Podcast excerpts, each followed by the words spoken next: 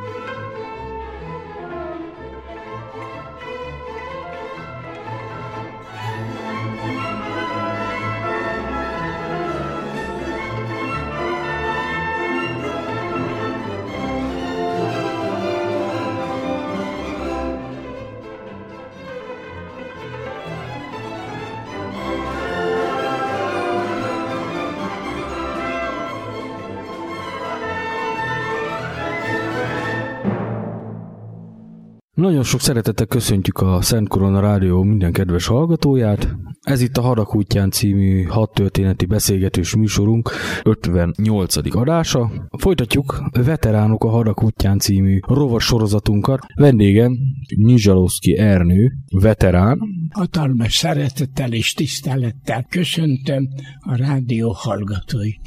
Nagyon kérem, hallgassák meg figyelemmel egy 97 éves veterán katona életküzdelmét a hazáért, az életért, az embertársaiért. El is kezdhetnénk az elején. Beszélhetnénk nagy vonalakban az ön családjáról, szüleiről és a katonai pályáról, a katonai szolgálatról, hogy ez mennyiben befolyásolta az ön gyerekkori és családi életét, későbbi pályafutását? Gondolom, hogy nem lesz unalmas a családomnak a származásáról. Édesapám lengyel államú Lemberg városú születési volt. Ez a Lemberg a mai ukrajnai Lviv. Ukrajna második legnagyobb városa. Vagy nem tudom, hogy ukránok hogy mondják. Lvivnek, ível mondják. Ível mondják, értem. Ha jól tudom, ez a galiciai terület, az a monarchiához tartozott még Igen. száz évvel ezelőtt. Igen, mert száz évvel ezelőtt, 173 évig Lengyelország fel volt szabdalva. Németország, Ausztria és a nagy része az cári oroszok által volt megszállva. És ez a galiciai rész, ez az osztrákokhoz tartozott? Az osztrákokhoz tartozott. Édesapámnak a papája, az az úgynevezett a lengyeleknél januári felkelésbe. Ez az 1863-as, ha jól igen, mondom. Igen, a lengyelek több isbe kíséreltek meg felkelést, hogy lerázzák az orosz igát. Ő egyik szervezője volt, és résztvevője egy ilyen felkelésnek. Elfogták a cári oroszok, és agyonlőtték a nagyapámat. Erre nagymamám fogta a két gyermekét, a Cseszlávot, magyarul Illés, és a Ludvikot, az Lajos magyar. Az Lajos, igen. Elvitte a két gyereket Bécsbe, nagybácsinkhoz. Fél, hogy további atrocitások fogják érni az oroszok által. Bécsbe volt egy nagybátyám, aki hadbíró tábornok volt, és a szenátusi irodának a vezetője. De 1918-ban visszatért Lengyelországba, és Lengyelország történelmébe az első, legfelsőbb hadi törvénységnek volt az elnöke. 1937-ben halt meg. Volt egy másik nagybátyám, egy ügyész, akit a kattényi mészárlás alkalmával gyilkoltak le, és mai napig is a kattényi tömegsérben nyugszik. A kisebbik fiával a nagymama később átvándorolt Amerikába, Szent József Móba, még édesapám beiratkozott a Bécsi Egyetemre, ott elvégezte a műszaki főiskolát, majd mikor végzett az egyetemen, akkor Szapári Pál gróf, akinek a felesége lengyel nő volt, és így volt kapcsolatuk a tábornokkal, Igen. közösen összeálltak, megismerték édesapámat is, mikor végzett édesapámat az egyetemen, akkor megkérdezte, na Cseszláv, Cseszláv magyarul illést jelent. Igen. Cseszláv, mi lesz most tovább? És akkor édesapám azt mondta, hogy aviatikával szeretne foglalkozni. Vagyis repüléssel. Repüléssel. Most mit tesz Isten? Örömébe ugrált a gróf rögtön felajánlott apámnak, hogy elhozza Budapestre, mert 1908-ban azon a híres Rákosi réten már kezdték építeni a hangárokat. 1904-ben fedezték fel a motoros repülőgépet, Igen. akkor ez négy évvel azután Igen, volt. Azután volt, négy évvel azután volt, és kérem szépen, így került édesapám Magyarországra. Kérem szépen, édesapám a 13-as számú hangárt kapta meg. Két gépet épített. 908-ban elkezdte építeni az első gépét. Egy segítő társa volt, akit úgy hívtak magyarul, hogy Kvasz András. Híres repülő volt annak idején. Most, mikor meghalt a gróf, a gyermekei már nem tudták apámat támogatni, Igen. így nem tudta a segítőjét kifizetni, így az első gépét motor nélkül, tehát az úgynevezett sárkát ajándékozta neki. Akkor ezzel fizette ki magyar. Ezzel fizettek ki, igen.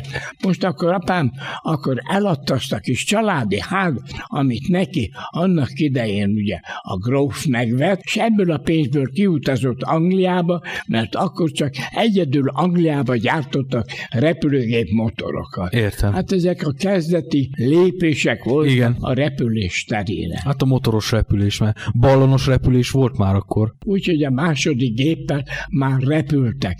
Ezt nem lehet repülésnek mondani. Magyarul úgy mondják, mint a kecske úgy ugráltak. Igen.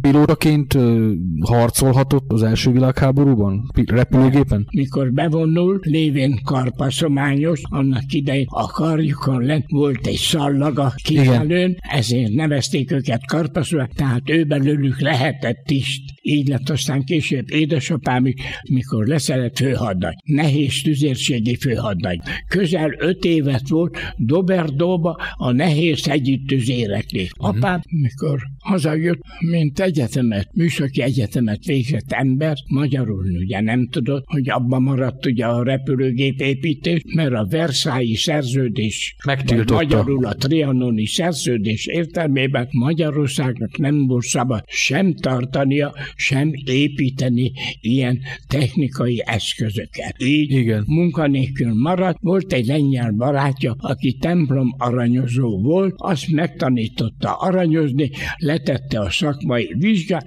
később mestervizsgát tett, és önállóan dolgozott is, mint képkeretrész gyártó volt. Uh-huh. Volt neki művelje. Ezekre a festményeknek a kereteit Igen, ami keretekben. Vonta be rézzel, meg, meg aranya. Hát ebből élt apám, akkor már elég tűrhetően éltünk, már nem volt semmilyen komoly probléma, meg minden, és engedelmet kérek, mikor én is megszülettem, vagy fiatal legény volt, illetlen lett volna megkérdezni a szülőt, hát hogy, miként ismerkedtek itt össze. Így nem tudom a mai napig sem, hogy hogy volt az ismerkedésük egy győri lányt, Pátka Máriát vette feleség. A házasságból négy gyermek született, két lány és két fiú. Az egyik fiú én voltam, aki nem tudnám megmondani mai napig, hogy mi volt az a lelki erő, az a tűz, ami hajtott, mert az elemi iskolát úgy tudtam elvégezni, hogy minden másnap mentem az elemi iskolába,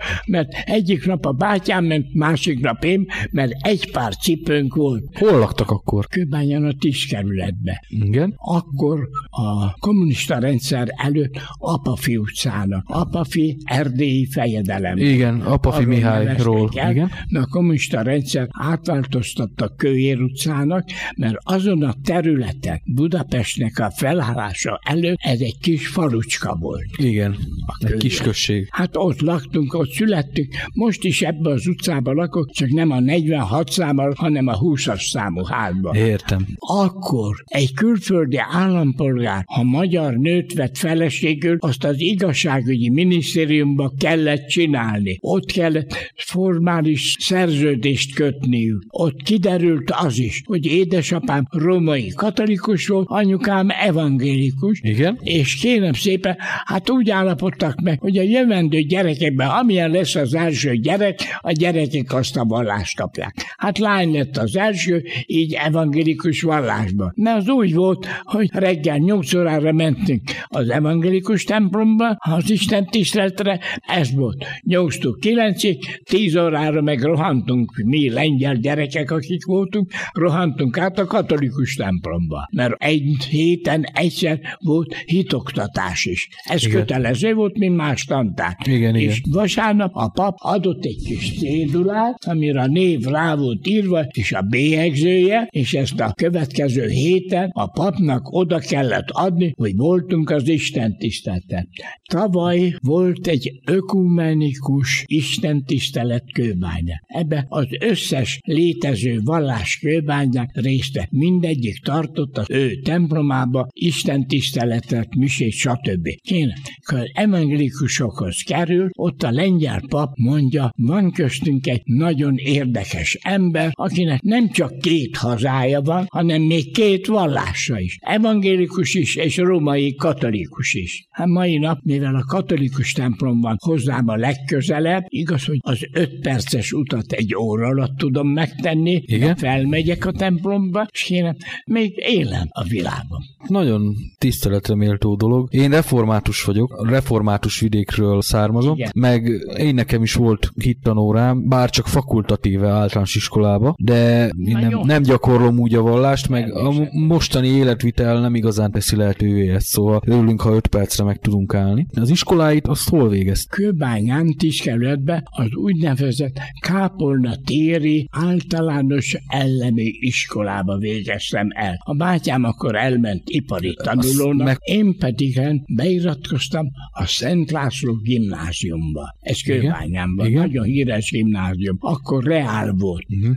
De én nem reálot voltam, hanem én inkább vonzottam a nyelvek iránt. Így mai napig is öt nyelvet tudok beszélni. Elég az hozzá, csak két hónap múlva ki kellett lépnem a gimnáziumból, mert nem volt pénz a tanulásra. Édesapám, édesanyám szerzett valahol pénzt, és abból vett nekem egy kerékpárt. És a József körúton, Budapesten a 8 kerületben volt egy színház, egy iroda, Igen. reggel 8-tól este 7-ig hordtuk a színházjegyeket, amiket telefonon rendeltek meg. Akkor ez ilyen Hazamentem. csomagküldő szolgálat volt. Igen, nem szégyellem. Akkor kérem szépen, akkor este hazaértem fél nyolcra, akkor mosakodás, ebédelés, és akkor bevonultam a szobámba, hajnali kettői, háromi, de volt igen gyakran, amikor reggel hatig, amikor már édesanyám bejött, és mondta, kisfiam, feküdj már le, hát nem fogsz tudni reggel dolgozni menni. És engedjék meg, az életrajz könyvembe le is van írva, a nyolc éves gimnáziumot négy év alatt végeztem el. Karácsony előtt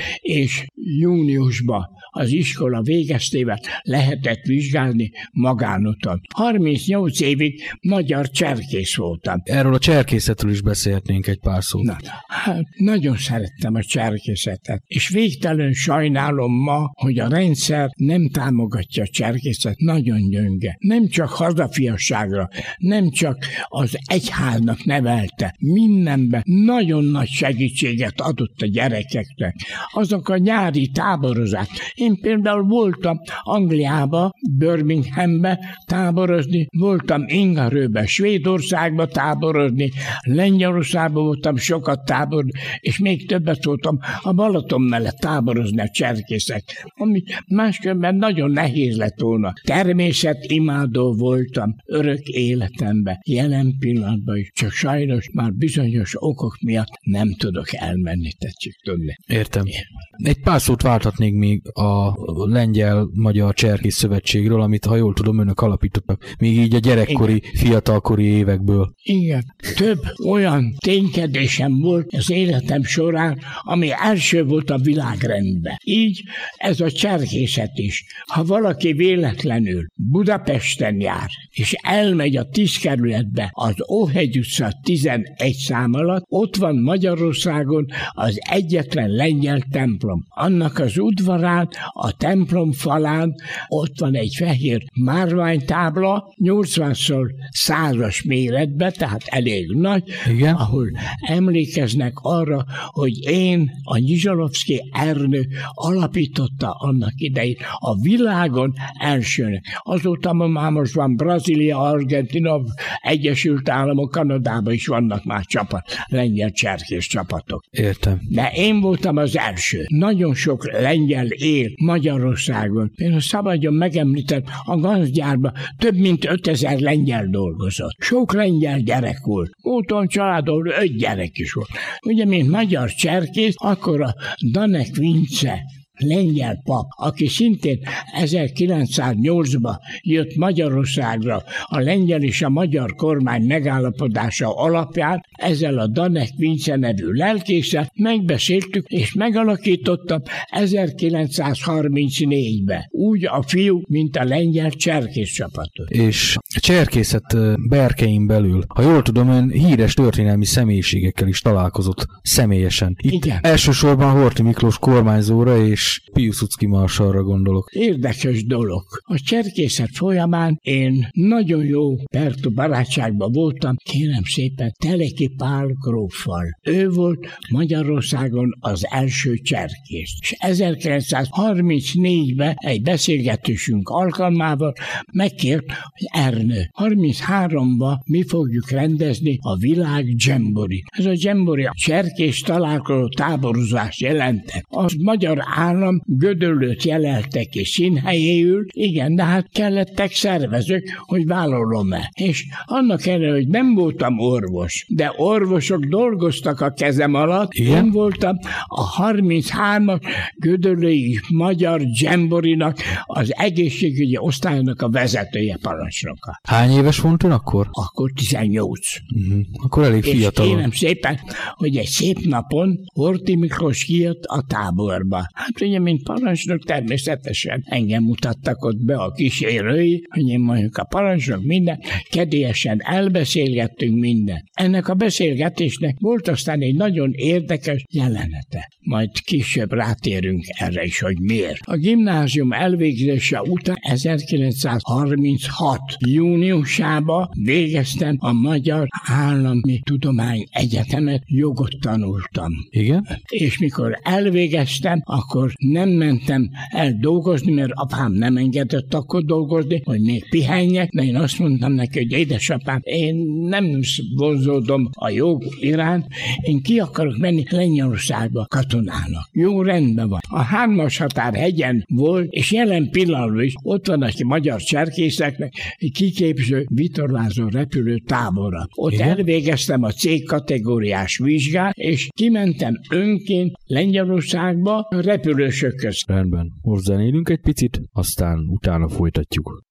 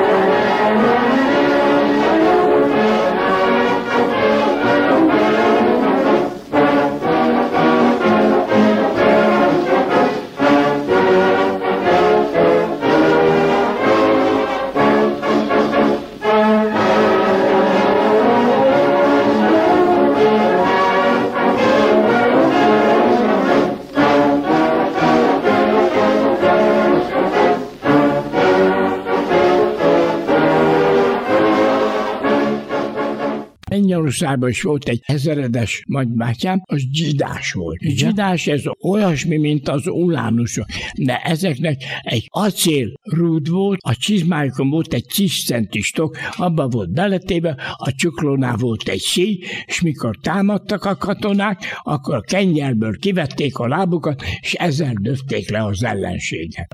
Akkor ennek a bizonyos zsidás ezre nagybácsinak ír, az visszaír, hogy végtelen örömmel vár és menjek, csak korábban menjek, hogy bizonyos katonai szavakat is megtanulja. Ugye, mert így csak akkor, a polgári nyelvet tanultam. Akkor meg. egy ilyen nyelvi felkészítés is volt. Igen, ez volt. Mennyi Onnan, időt töltött ott? Augusztusban már Lengyelországban voltam, és november másodikán vonultam be az első számú lengyel légierőhöz Varsóba. Akkor a mai Okencsei repülőtér csak katonai repülőtér volt. A polgári repülés az a Mokotov téren volt. Arról tudna beszélni, hogy milyen egyenruhája, fegyvere és felszerelése volt, mint növendék?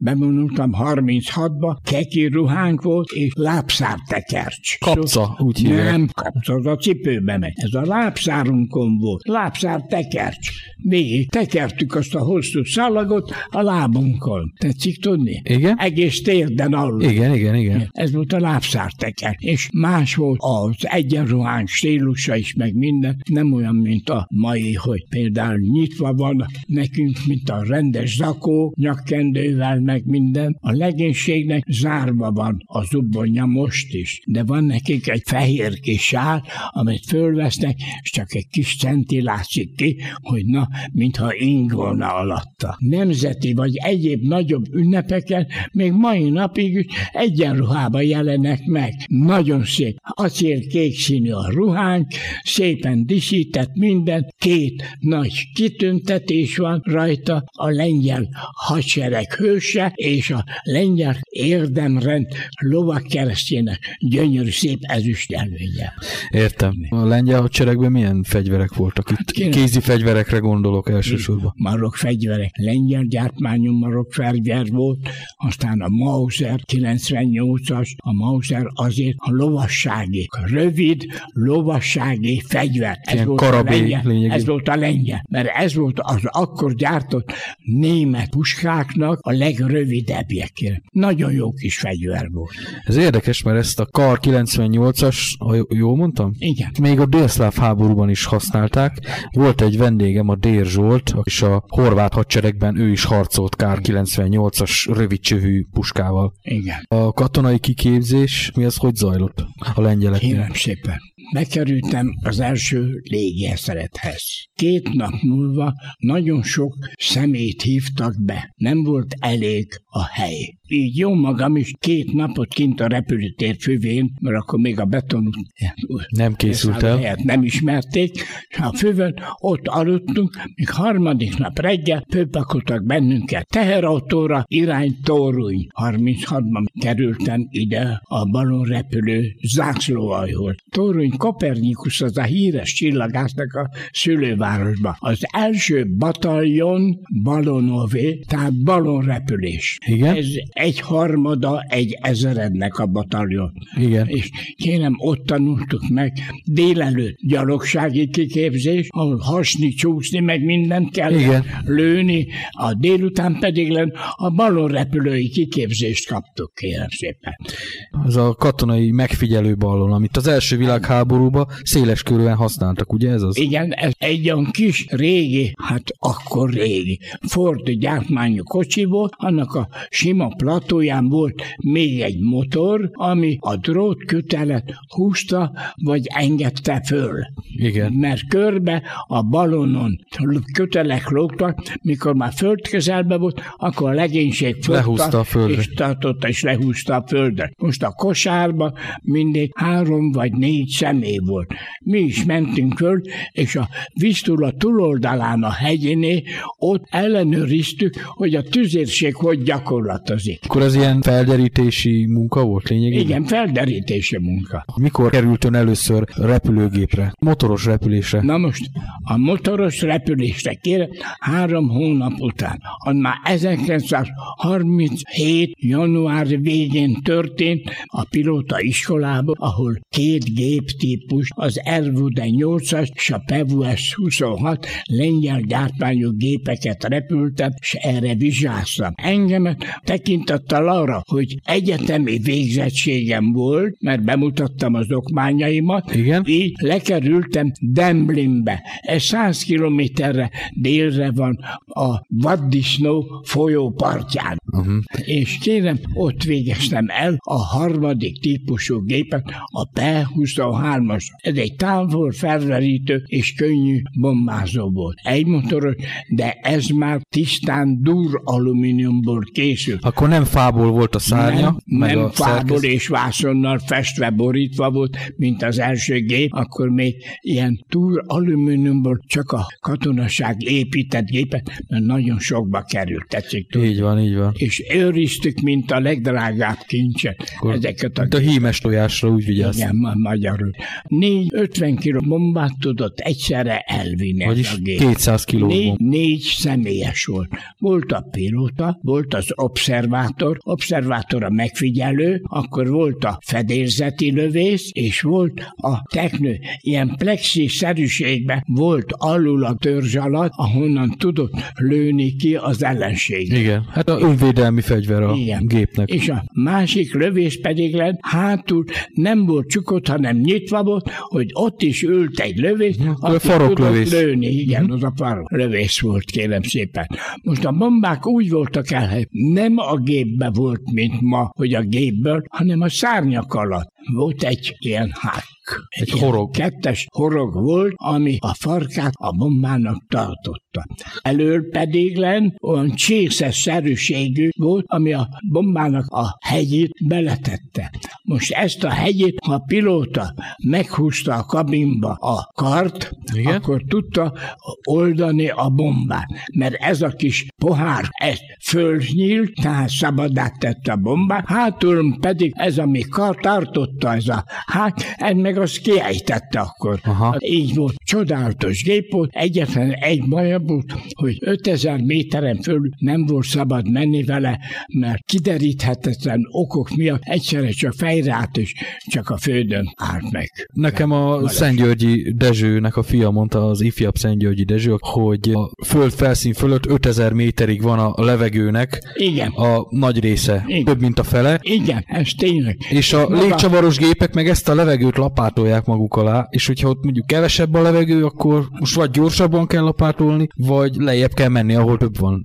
Ennyi. A franciák gyártottak olyan repülőt, hogy vittek magukkal levegőt palackból, hogy segítsék ilyen igen, igen, gépeket. Igen. Na, ma már gyártanak olyat, hogy föl tudnak menni akár 30 kilométer magasba is. Igen, igen, ők ilyen kompresszorral dolgoznak. Igen, kompresszorral dolgoznak, de akkor még az ilyesmi. Hát 1936-ban is még gyerekcipőbe jár. Nem hiszik el önök, kedves hallgatók, hogy rengeteg baleset volt. Csak minden titkosítva volt. Erről beszélni nem volt szabad. Csak a hozzátartozók tudták, hogy most meghalt. Nem volt olyan, hogy, hogy ne hallottunk volna nap, mint nap, hogy valaki agyonzúzta magát a gépbe. Akkor nem voltak megbízhatóak műszakilag. Nem, ú, hát nagyon messze álltunk a megbízhatóság. Volt például egy nagyon érdekes eset. Nem velem történt, hanem az egyik pilótámban, mert éppen én start tisztoltam. Mi tanulók adtuk a startistet. Egy könyvbe vezettük, milyen típusú gép, másodpercre pontos idő, a pilótának a neve, vagy observátoroknak a neve, ezt mindig film. Épp akkor ügyeletes volt, amilyen indított is, aki lövést tartottunk. Az első gép egy 30 méteres vékony drótkötélen Igen? Húzta a 10 méteres hosszú vászonbalon. Mi úgy hívtuk, hogy a Bél. Aha. Most erre a második gépből, ahol az observátor derékig kint volt a gépből, Igen? annak a biztosító hevederjének középen volt még egy szára, amit a kabin aljába be lehetett kapcsolni. Igen? Mert a termikus mozgás folytán nehogy kiemelkedjen a gépből. Így van. Most a repülő térünk ott a tisztiska, a túlsó végén egy erdő volt. Jött haza a gép leszállásba, az erdő után leült a gép, a observátor meg fönnmaradt, és 300 méterből zuhant. Olyan egy méternyire volt befúródva a jobb vállával a földbe.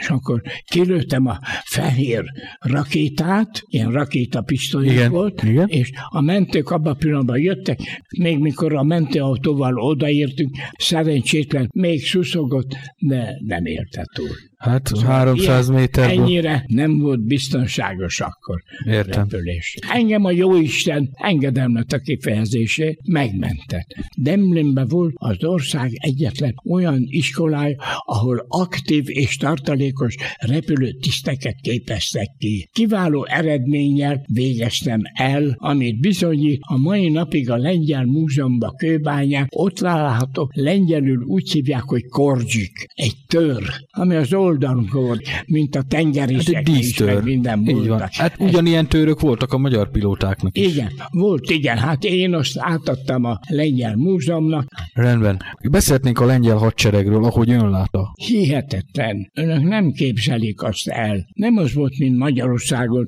hogy fogkefével súroljuk szobát. Nagyon családias. Minden. A tiszt és a legénység között kérem szépen nagyon barátságos élet életforma volt. Például egy alezredesnek nem mondhattam azt, hogy alezredes úr, csak ezeredes úr volt. De ha ő jelentkezett, ő neki, mint alezredesnek kellett jelentkezni. Egy, egy érdekes jelenség. A magyar hadseregben ilyen nem volt. Most beszélhetnénk arról, hogy önt hogyan fogadták ott külföldiként. Kérem tisztelte, engedjék, hogy megjegyezek egyet. Egy bizonyos vasárnapon felmentem a kultúrterembe. És mondja az egyik katona, és mondja, gyere, azt mondja, van zongora, biliárd, meg nem tudom, mindenféle játékok voltak, és ha mondta egyszer, az iskolából kijöttek tanárok, akik okítottak még bennünket. Például azt a arab játékot, hogy például megfogtunk egy csomó pácékát, elesett, és mennyit tudunk abból, ahogy összeesett, Igen. kivenni meg minden. Úgy arab játéknak hívták akkor.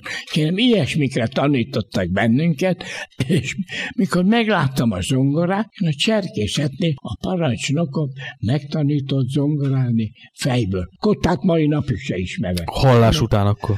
Leültem a zongorához, játszottam, énekeltem, csak egyszer fölnézek, látom, mind többen és többen vannak a kultúrteremben. Tistek. És jött a parancsnokom is, egy kapitány, és mondja, te így tudsz zongorálni? Mondom, igen, mondom, Magyarországon a cserkészetnél tanultam meg, és mint ifjon, még akkor jó hangom is volt, ismertem ezeket a magyar operetteket, meg mi, ezekből játszottam neki. Nem ismerték a katonák.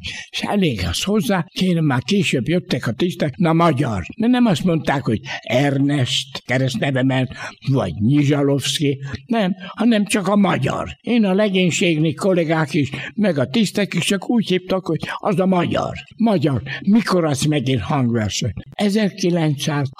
1937-be. Marsóba az első számú lengyel légi ezrednől, ahol szolgáltam, mint katona, Igen? illetve hadipilóta iskolán voltam, kérem szépen megjelent Horti Miklós egy látogatása alkalmával a lengyel államba. És most egy ilyen nagy személy, hova vigyenek? Katona létére. Csak katonasághoz. És mikor nekem odatták a lengyel szöveget, hogy fordítsam le magyarra, és mikor elmondtam az üdvözlő szöveget, akkor rám nőtt, letegezett. Azt mondja, téged én ismerlek. Mondom, igen, mondom, fenséges uram, 1933-ban Gödöllön a József téreni központunkban találkoztunk, ott beszélgettünk el. Oda jött, megölelt. Nem viccelek, megölelt maga a kormányzó. Ezek mindenki ott, aki vele volt a társaság, a diplomáciai testület, ennek mind csodálkoztak, hogy engemet ott megölelt. Hát. Akkor még csak közelgén voltam. Demlinbe, ahol a tisztiskola volt. Isteni szép zsidó lányok voltak. Olyan karsak. Mondom, hogy kirakatba kerül. De ugye mennyit hívtak a gyere, gyere magyar, ilyen nő mindegyik a botka után, bejött, ledöglött az ágyba, azt nem törődött semmivel. Egy hét múlva már mentek a gyerekek a kórház. A trippelnek az úgy néz ki, mint a fiataloknak ezek a pattanások. Igen. És akkor nem olyan kezelés volt, mint ma. Bezony. A tejinekció, vagy a saját vérinekció, mert volt egy Amerikából hozott protárgol nevű folyadék, ami csak be kellett volna spiccelni, nem aztán a kórházba egy liter hipermangálét benyomtak neki a hólyakba, és akkor nem tudom, látott, mely ilyen gömbő, ilyen kicsike, ilyen üvegmosót. Igen? Csak persze kisméretű. Ezzel a üvegmosószerűséggel benyújt, fölkaparták ezeket a gennyes gócokat, és akkor mondták, na most nyom meg, akkor hipermangával kipisilte. Így kezelt. Mikor visszatért az ezretet, akkor két heti sötét zárka, de úgy, hogy csak minden másnap kapott ebédet. Ez volt a büntetés. Hát nekem ez nem kellett, uram. Nem kell. Értem. Erről egyébként külön adást is fogok majd tartani. Az első és a második világháború ilyen szempontból. Hát a lengyelek a vodkára is azt mondják, hogy spiritus tetszik. Igen. Mert megiszták a spiritus, láttam nálam a, az iskolába, a katonák elmentek az egy engélkedőbe, egyik vattát kért, a másik meg az ebédlőből az ingébe kihozta a kenyere, és akkor kenyéren vatánát átszűrték, tehát egyik pohárban víz volt, a másikban vodka, és ezek a vizes poharak, mire majd, hogy nem tele volt a spiritusra, és egyszer mondták nekem, magyar kóstol, meg olyan finom, megkóstoltam, de én két hétig büfögtem azt a büdös spiritussal. Nagyon jó katona voltam. Én nem zúgolottam, mikor zuhogott az eső, és mentünk ki gyakorra. Ezek a katonák úgy háromkodtak, minden. Én meg mosok, rágyújtottam a nótára, Horti Miklós katonája vagyok. Bizonyára ismerik ezt. Ismerik, így van. Ugye, azt mondták, ez a magyar bolond, ez nem normális. Én akartam, és el kellett, hogy bírjam. És a Jóisten úgy áldott meg, hogy hihetetlen akaraterővel rendelkeztem, és mai napig is. Majd később elmondom, hogy miért. Rendben. Most elmegyünk egy kis zeneszünetre, hallgatunk valami jó kis katonanótát, aztán jövünk vissza.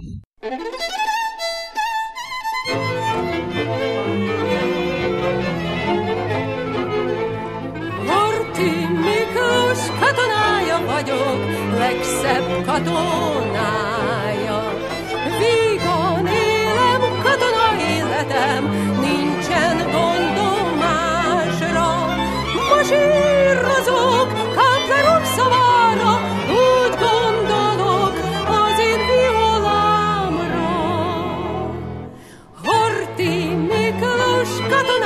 Vagyok, legszebb katonája. Masírozok, Kepler úr szavára, úgy gondolok az én violámra, mert Horti Miklós katonája vagyok, legszebb katonája. Horti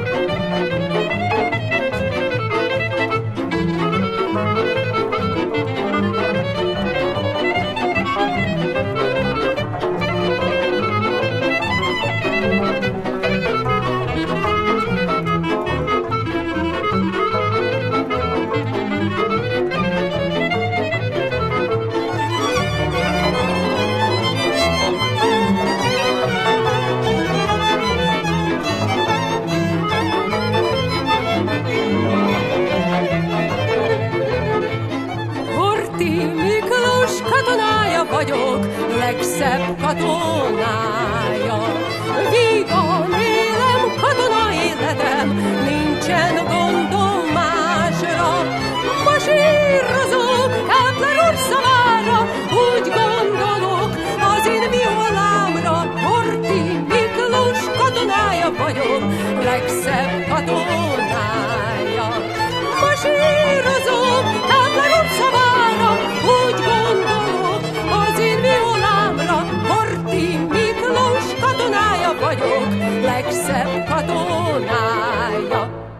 A lengyel légierőnő meddig szolgált? Egész végig. 1938. november 2. Úgy, mint mikor bevonultam. November másodikán voltunk, november másodikán szűnt meg a szolgálatunk. És onnan ön hazajött Magyarországra? Oda jöttem Magyarországra. De a gazdasági tiszt az iskolába mondta, merre akarsz menni? Három út van. Lehet menni Lemberg felé, lehet menni Zsebzsédovicének hívják ma azt a helységet, és lehet Németországon keresztül. Mondom, hú, mondom, akkor Németországba szívesen elmennék körülnézni. Igen. Így aztán úgy kaptam a jegy, hogy Berlinig, az Berlinig vissza vonattal Budapestre. Úgyhogy két napot töltöttem akkor Berlinből a lengyel hadsereg jó voltában. Hogyha már itt tartunk a háborúnál. Most 1939-ben ugye Lengyelország összeomlott. Németország, Oroszország támadta, Meg Szlovákia, meg Német- Litvánia is. Jelképesen. egyik módon beleavatkoztak, amit éreztünk, élelem, stb. Elég Ön akkor itthon tartózkodott Budapesten, ugye? 39-ben? Igen. Szeptember 1 Folytathatnánk a szeptemberi eseményekkel, az ön kiutazásával. Édesanyám 10 óra előtt pár perccel szólt, kisfiam, kapcsold be a rádiót, mert mindjárt mondják a 10 órás híreket. Bekapcsolom a rádiót, 10 órakor jelentkezik a budapesti kossuthadó, és mondja, hogy a fasiszta Németország fegyveresen megtámadta Lengyelország. 4 óra 45 perckor. De önök akkor 10 órakor már a hírekbe Igen, hallották. Hírekbe, hírekbe hallott. És akkor bementem a szobámba, elővettem az útlevelemet, megnéztem, de. Mondom, hú, az ördög, be kell mennem a követségre meghosszabbítani, mert akkor csak az útlevél lehetett menni. Igen? Akkor még csak lengyel állampolgár voltam. Anyukám utánam jött. Kérdezi, kisfiam, minek neked az útlevél? Hová akarsz menni? Azt mondtam, anyukám, édes hazám bajba van, segíteni kell meg. Nem tetszik elhinni. Egy anya letérdel a fia előtt. Folyik a könyv, mint a patak összeteszi a kiskedvét imára, és azt mondja, kisfiam, ne menj a háborúba, mert elveszel. És én csak azt tudtam mondani, anyukám, ott fent vigyáznak rám. Így van. Mindannyian és Isten kezébe vagyunk. Szeptember 1-én már a vonaton ültem. Követségem meghosszabbították az útlevelemet, még 25 pengőt is kaptam, mert annyiba került a vonat Budapesttől Varsóig. Egy másodosztályú egy percet, ugye ugye Világos. katonának csak az jár. És kérem szépen, jelentkeztem másodikán reggel. A ezredemnél azt már kitelepítették, és két nap múlva, akik voltak, akik későn érkeztek meg a behívóra, meg egyéb, fölraktak bennünket. Teherautóra elvittek Modlinba. Modlin, kérem, 40 kilométernyire északra van Varsótól. Ez egy kis falu volt, hát most már városának mondják, és ott volt akkor Európa egyetlen legnagyobb erődítménye, amit még annak idején az oroszok építettek. Ez ilyen első világháborús Igen. erőd volt? Előtte, már előtte. Ja. Ja. 1800-ban építették ezt az erődítményt. Akkor már a napóleoni háborúk idején is meg volt? ez? Meg volt már akkor is. Oda vittek bennünket. Mi, akik később mentünk, voltunk azt hiszem, ha jól emlékszem, jó három teherautó rakomány volt a katonákkal, akiket oda kivittek, és nem vittek be bennünket az erődítménybe, hanem az erődítmény elől. Sündisnő állásokat építettünk. Ez kb. 80 cm, 1 méter mély, Igen. és azt úgy kellett csinálni, hogy a földet szét kellett szórni, hogy ne legyen domb mert akkor még nem használták a németek légi felderítést. Hát akkor még önnek a háború folyamán 2000 valami gépük volt, akkor még nem csináltak légi felderítést, hogy látták volna, hogy ott vannak, mint a saktábla. Igen. A, a lukak és benne a katonák. Nehéz géppuskával voltunk. A nevét is megmondhatom, Hocskis. 13 mm-es? Igen, Hocskis nehéz gépkucsával rendelkezt. Szeptember 10-én a német tüzérség négy napon keresztül borzalmas éjjel-nappali tüzet zúdított az erődítményre. Mi is kaptunk ott, mert srapnellal is lőttek a németek. A srapnellnak az a tulajdonsága, hogy mint a repezgránát, igen. Ezt mikor kilövik, akkor automatikusan a robbanó szerkezetet is benne beindítsa. És a megfelelő távolságra, amire van, ott robban széjjel. A levegőben? A levegőben. Este gyönyörűen látni, amit húzza a fénycsová. Üstökös. Igen. Szillánkosan, olyan durván tört el. Ez spiáterból volt csinálva. Aki szakmai, az biztos megérti, hogy miért. Spiáterból, mert olyan szaggatottan, élesen. tudja. Igen. Hát mint az üveg körülbelül olyan Igen. élesen. Na kérem szépen, ezzel lőttek bennünket. Négy napon át éjjel-nappal, ötödik nap hajnalba elcsöndesedett minden. És rá egy órára az erdőből megindult a német gyalogság. Kérem, megfelelő távolságra elértek, akkor zúdítottuk rájuk ezekből a sündisznó állásokból a tüzet. Kérem, a tűze annyira meglepetésszerűen érte a németeket, megfordultak és menekültek vissza az erdőbe, ott hagyták a halottaiakat, a sebesülteket, akiket mi szedtük össze, rátuk el, vitték kórházba, vagy mi volt velük, kérem, a halottakat még eltemettek Modlinba.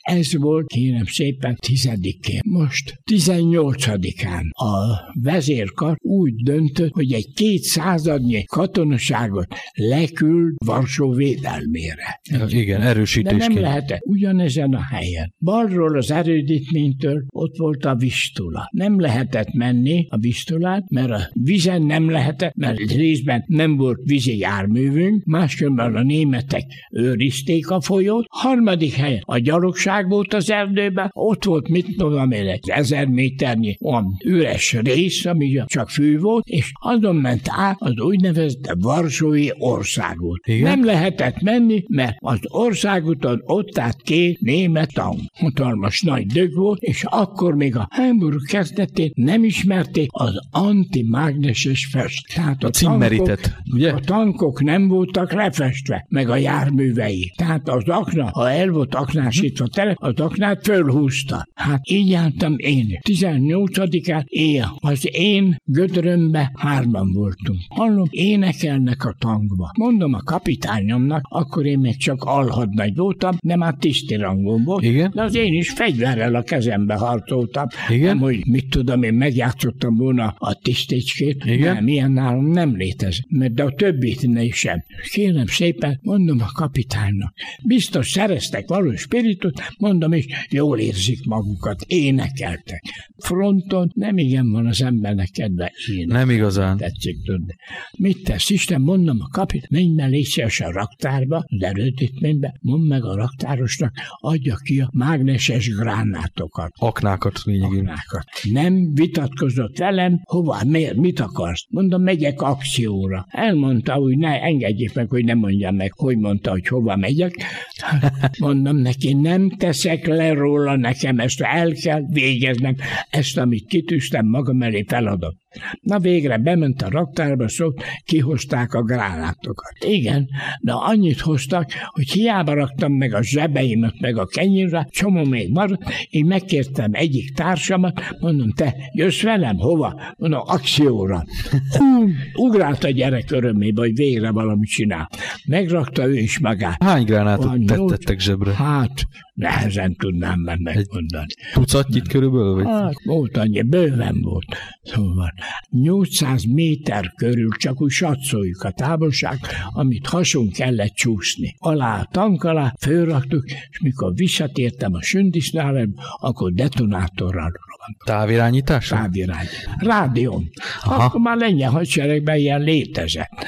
Kérem, csak hát persze nem kürtölték világá, hogy nekik miük van. Értem. Ugye? És detonátorral fölrobbantottam. Ezért kaptam meg a lengyel hadseregnek a második, legma, első a Virtuti Militári, Igen. a második a Ksés Valecsné hősiességi kereszt. Így a lengyel hadsereg hőse lettem. Cikk- 39-ben. 39. És 1999. szeptemberében itt volt Kvasnyevszki elnök a feleségével, Igen. direkt azért jött, hozta magával a lengyel köztár érdemrendjének a lovak keresztjét. Úgyhogy lovag is vagyok. Csak ilyen véntrottyosan engedelmet kérek a kifejezésre. Értem. Én annyit tudok mondani, hogy nagyon sok ember örülne, hogyha 97 évesen ilyen. Mai napig is 97 éves korom, még főzőcskézek, takarítgatok, mosok, meg egyebeket azért elvégzek. Annak ellenére nagyon súlyos szívbeteg vagyok. Szemmelemileg nincs. Semmi. Hogy Azt, miért? igen, Hogy azt láttam. mi? Azt majd elmondom a végén. Rendben. Akkor most beszélhetnénk arról, hogy ön hogy esett végül is német hadifogságba, mert azt említette, hogy az volt a szerencséje, hogy német hadifogságba esett, mert egyébként Katyinba vitték. Mert egyébként Katinba kerültem volna én is. Egy óra, másfél órán múlott csak, hogy minket a lengyelek elvittek teherautómbe Varsóba, hát mi kimentünk a Mokotovra, a régi repülőtérre, polgári repülőtérre, és ott a németek aztán hadifogságba ejtettek, és Marienburgba vittek. Szeptember 28-án a Lengyelország egész területén a lengyel hadseregnek le kellett tenni a fegyvert. Hát úgy tettük le, hogy németek kezére ne kerüljön. Mindent összetörtük. Nyitott vagonokra raktak, zuhogott a hó, hideg volt, mikor ment a vonat valahol falun keresztül, falusja dobáltak fel konzerveket, élelmet, mindent nekünk. Hát én például kaptam egy paradicsomos halat, amit nem szeretek. No, akkor már mindent megevett volna az ember, talán még az egerek is. És aki földobta, azokat agyonlőtték a német katonák. Civileket? Civileket, Ú, igen. Voltak, akik sebesültek voltak, és ugyanúgy... Voltak. Nem szólhatunk egy szót se. Németek mindent lenyírtak, elláttak, ki beteg volt, vagy valami gyógyszere elláttak, és engedje meg, hogy megemlítsem. A városba már, Marienburgban, a lakóság jegyre már nem kapott dohány cigarettát. Mi a táborban a négy darab cigarettát még mindig megkaptuk. Ez még a háború eleje. Akkor, akkor kezdődött tulajdonképpen hát, ugye a igen. háború. Ugye? Akkor még nem vadultak el a németek. Kedvesek volt, így voltunk mi Akkor is. beszélhetnénk erről a fogolytáborról, hogy hányan lehettek abba a táborba uh, körülbelül? Kérem, voltunk 800 uh-huh. iskolába, később a Marienburgi várba vittek bennünket. Onnan vittek ki munkára. Milyen Most munkát ki... végeztek? Erdőbe vittek ki bennünket, volt egy sziklás rész, ahol követ kellett törni útépítéshez, vagy fát vágni. 16 hónap nap után megszöktem a táborból. Mikor valaki megszökött, mindig kettőnek kellett menni, egyedül nem szökhetett meg senki. Akkor mindig bejelentette pár nappal előtt. És amit kiadtak napi kenyeret, abból csak a felét ettük meg, másik felét eltettük, hogy ezeknek a szökési útra legyen élelmük. Most volt egy olyan 5 méternyi széles patak. Ott az erdőben? Ott az erdőben. És ez a patak, hát talán ha nagy volt az áradás, térdig érhetett a víz. Mikor én szöktem, akkor jó bokán ért a víz csak benne. Sorba állítottak bennünket, és elől volt egy géppisztolyos néme, meg hátul volt. Most akik szökni akartak, azok mindig a sor közepére mentek. És a patakon a híd az csak a kivágott rönkfa, Igen? legajazva persze, ugye, a rönkfa, szóval így keresztül csak fektetve. rá volt keresztbe fektetve. Hát azok mozogtak meg minden, úgyhogy ezt tudták a katonák, hogy hát azért mozognak, mert mozog a fa a lábuk alatt, de olyankor az illető, akik szökni akartak, csak leléptek a patakba, úgynevezett híd alá. És mikor elment a sor, akkor húzd neki irány nyugatnak. Így tudtunk megszökni. Ki volt a párja Egyik katonatársam volt. Megvan a neve is neki, azzal, akivel robbantani voltam. Zsitkovszki Václávnak hívták. Az tizedes. Uh-huh. Hát, mint egy jó barátok, úgy éltünk meg minden. Értem. Nagyon szépen köszönöm a műsorba való részvételt. A beszélgetést a jövő héten folytatjuk, és addig is megkérjük a hallgatóinkat, hogy legyenek türelemmel. A műsor letölthető a letöltések rovatban, ugyanitt meg is hallgatható, illetve ismétlésenként a műsorúságban írottak szerint szintén meghallgatható. A jövő heti viszont hallásra. Viszont hallásra, drága hallgatók!